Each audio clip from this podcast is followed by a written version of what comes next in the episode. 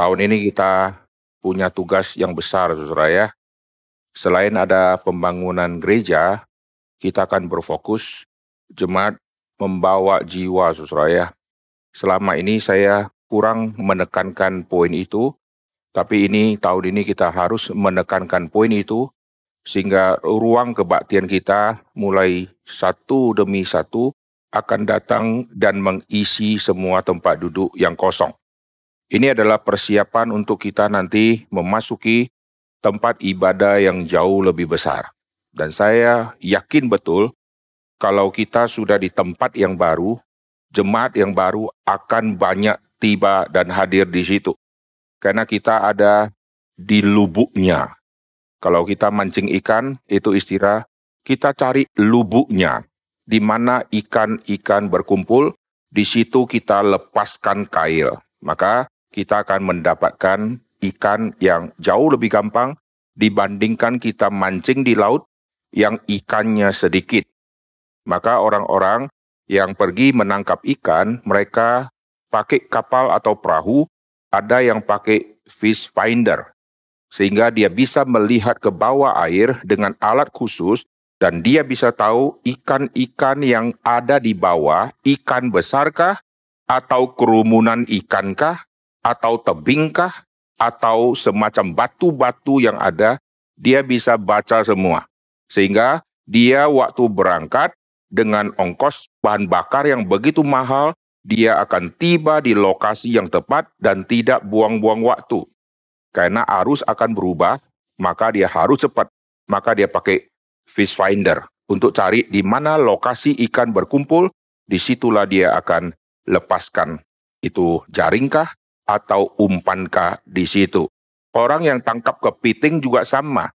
Dia buat perangkap, dia tidak taruh di sembarang tempat, dia akan memilih daerah bakau-bakau dan titik mana yang dia perkirakan di sini nanti banyak kepiting akan ngumpul, di situlah dia pasang umpan dan dia akan dapat yang sangat banyak. Nanti di tempat yang baru saya percaya akan banyak orang akan hadir, orang yang hadir dari berbagai macam golongan. Golongan pertama, orang-orang yang sekarang sudah beribadah, mereka beribadah lagi di sana. Golongan kedua, orang yang sudah lama tidak beribadah di kita, mungkin ibadah di tempat yang lain, karena rumahnya sudah sekitar sana, dia akan bergabung kembali. Lalu kelompok yang ketiga adalah orang-orang yang pernah dengar khotbah-khotbah kita dari YouTube. Dan itu sangat banyak jumlahnya di seluruh Indonesia dan orang-orang yang lihat maka mereka waktu tahu kita punya gereja sudah ada di daerah barat dan lokasi rumah mereka tidak jauh dari situ, mereka nanti akan coba untuk datang dan untuk mengikutinya. Lalu kelompok yang lain lagi adalah hasil buah-buah penginjilan dari jemaat yang membawa jiwa, yaitu orang-orang baru datang ke gereja. Lalu kelompok yang lain adalah orang-orang yang jemaat-jemaat mengajak tetangga-tetangga atau rekan-rekan yang dulunya tidak pernah datang ke reform dan hari pertama dia datang ke reform dan Tuhan menarik hati mereka, akhirnya mereka rutin beribadah. Lalu sisanya adalah orang yang liburan, saudara ya. Mereka dari satu kota lalu pindah atau jalan-jalan ke Surabaya atau ke daerah Jatim Pak atau apa, ke Malang, ke Batu atau ke Prigen atau ke Trawas, lalu mereka tinggalnya di Surabaya. Hari Minggu mereka cari gereja. Nah, orang-orang seperti itu akan mampir itu kelompok-kelompok yang lalu lalang. Jadi hari ini datang, minggu depan tidak ada. Atau dua minggu hadir, minggu ketiga dia sudah pulang. Lalu ada kelompok-kelompok tertentu yang nanti saat Sinciaka, dia pulang ke Surabaya, lalu dia ikut beribadah. Ada lagi yang misalnya orang tuanya sakit, dia pulang ke Surabaya, lalu dia jaga orang tua, dia cari tempat ibadah, dan nanti dia akan datang. Dan kita berdoa nanti di tempat yang baru nanti, Tuhan akan datangkan orang yang sangat banyak, tetapi sebelum sampai ke hari itu, harus mulai dari sekarang. Amin. Jikalau jemaat datang hanya lenggang-lenggong, lalu datang kiri kanan kosong, dia tenang-tenang, tidak ada harapan nanti kita di tempat yang baru. Mesti pikirkan semua kursi harus diisi oleh jiwa-jiwa dan mereka-mereka yang ada di ajaran-ajaran palsu mesti ditarik kembali supaya mereka mengerti ajaran yang sejati. Sekarang ajaran-ajaran palsu sudah susah untuk mereka berkoar-koar. Kenapa? Karena selama masa pandemi, jemaat-jemaat mereka satu persatu sudah mulai mendengarkan semua khotbah-khotbah dari luar gereja mereka dan mereka sudah mendapatkan pengertian-pengertian tertentu sehingga mereka mulai meragukan semua ajaran pendetanya. Sebelum masa Covid, mereka hanya dengar dari satu sumber, yaitu dari satu sumber khotbah pendetanya saja. Yang lain dia tidak mau dengar lagi, yang lain dia anggap tidak ada roh kudus. Setelah di masa pandemi, begitu banyak khotbah yang ada di YouTube, dan khotbah-khotbah reform akhirnya masuk menjamur di YouTube, dan mau tidak mau waktu orang klik browsing tema, maka akan ketemu pendeta reform yang khotbah. Dan saat mereka dengar, mereka akan mengerti ternyata selama ini kami dengar ayat yang dikhotbahkan, yang kami baru dengar ini, dulu bertahun-tahun kami dengar dari pendeta kami, ternyata pendeta kami salah tafsir. Nah harap ini terjadi. Maka kita punya khotbah-khotbah kita terus memasukkan ke YouTube, bukan untuk jemaat supaya mereka tidak hadir fisik dan online, tidak jemaat hadir fisik, kalau dia sudah dengar ada poin yang dia lolos, dia masih bisa dengar lagi di YouTube. Lalu orang di luar gereja, mereka yang masih jajan sini, jajan sana, cari pengertian di tempat sini, tempat sana, mereka menemukan satu tema khotbah yang menyentuh hati mereka, di situlah mereka sadar mereka akan mencari kebenaran. Banyak orang komen-komen di saya punya uh, YouTube Salah satu komen mereka, terima kasih hari ini saya baru betul-betul mengerti kebenaran. Nah orang-orang seperti ini ada yang keluarkan komennya, ada yang tidak kasih komen. Dan orang-orang seperti ini saya yakin sangat-sangat banyak. Karena mereka dengar, mereka sungguh-sungguh dengar, lalu mereka dirubah oleh Tuhan, dan nanti mereka akan mencari kebenaran. Kita mayoritas orang-orang reform, sebelum ada reform, rata-rata kita dari ajaran yang ngacok-ngacok, betul nggak? Saya juga dari ajaran yang ngacok.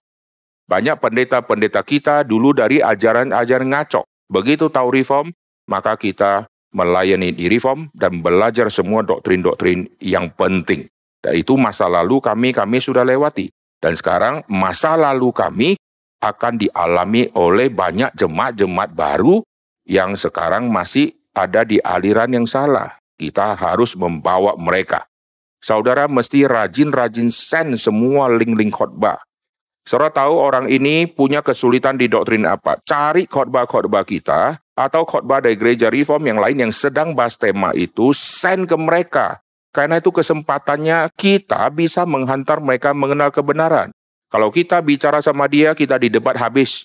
Kita tidak bisa jawab, saudara ya. Tetapi kalau kita kasih dia dengar khotbah, pelan-pelan pikirannya dituntun, dibenahi, sampai setelah dengar satu jam, di situ Tuhan akan memberikan penjelasan yang begitu matang melalui khotbah tersebut. Kalau kita ditanya, kita jawab dengan dia gengsi untuk mengaku salah, dia akan debat lagi, debat lagi, debat lagi, dan tidak habis-habis. Send link khotbahnya. Begitu send, nanti biar Tuhan bekerja, dia harap klik, dan dia dengar. Jadi saudara punya tugas send semua tema-tema kepada teman-teman kalian supaya nanti mereka dibukakan dan mereka mulai cari di manakah saya harus belajar. Sebagian jemaat kita di Citra adalah orang-orang seperti itu. Yang mereka begitu tahu kebenaran, mereka pindah ke sini dan sekarang tetap ada di sini. Saya tidak sebutkan satu-satu, itu ada orang seperti itu. Tapi kita harap lebih banyak lagi orang seperti itu. Amin. Amin. Tugas kita tahun ini ya, jangan malas. Hanya sunlink itu tidak perlu sampai dua menit. Browsing sebentar, dapat sunlink. Dengarkan khotbah ini. Send lagi, send lagi. Sehari saudara bisa send 10 link. 10 hari, saudara sudah send 100 link. 100 link, masa tidak ada dua orang yang dicelikkan mata rohani? Tidak mungkin. Kalau 100 link tidak ada dua, kirim 200 link. Masa 200 link nggak dapat dua? Kalau nggak ada dua, kirim 400 link saudara ya, send semua. Khotbah-khotbah yang penting-penting send ke mereka, sehingga mereka tercelik pikiran mereka. Amin. Ini tugas kita ya. Jangan, oh ini tugas pendeta. Tugas pendeta kabarkan firman Tuhan, pendeta punya tugas, kalian juga punya tugas. Tugas hamba Tuhan, tugas rasul-rasul di Alkitab sama dengan tugas 70 murid. 70 murid diutus berdua-berdua, 12 rasul diutus berdua-berdua. Tidak ada yang beda. 12 rasul diutus seperti domba di tengah serigala, 70 murid juga diutus seperti domba di tengah serigala. Yang 12 murid, jangan kau ambil lebih semua stok-stok pakaianmu. Yang 70 murid juga sama. Tidak ada perbedaan. Semua jalankan tugas masing-masing, maka pekerjaan Tuhan akan berkembang. Di hari Pentakosta, rasul-rasul pergi kabarkan Injil. Di hari Pentakosta, semua awam menyebar kabarkan Injil. Jadi tugas kabarkan Injil bukan tugas pendeta saja. Tugas penggembalaan bukan tugas pendeta saja, tapi tugas seluruh jemaat Tuhan. Amin. Jikalau konsep ini dibenahi, maka gereja akan bertumbuh. Selama ini gereja kurang bertumbuh karena semua jemaat pasif, semua di-offer ke hamba Tuhan, biar hamba Tuhan dikerjakan sampai mati muda, saudara. Kalau semua gerak, pekerjaan Tuhan akan sangat banyak dan kita hamba Tuhan akan keluarkan semua tema-tema yang jauh lebih banyak lagi kalau semua jemaat ikut bekerja keras. Amin. Ini tugas kita ya. Tahun 2022, setiap jemaat harus banting tulang untuk hal ini. Supaya gereja Tuhan maju dan umat Tuhan tidak lebih banyak lagi disesatkan.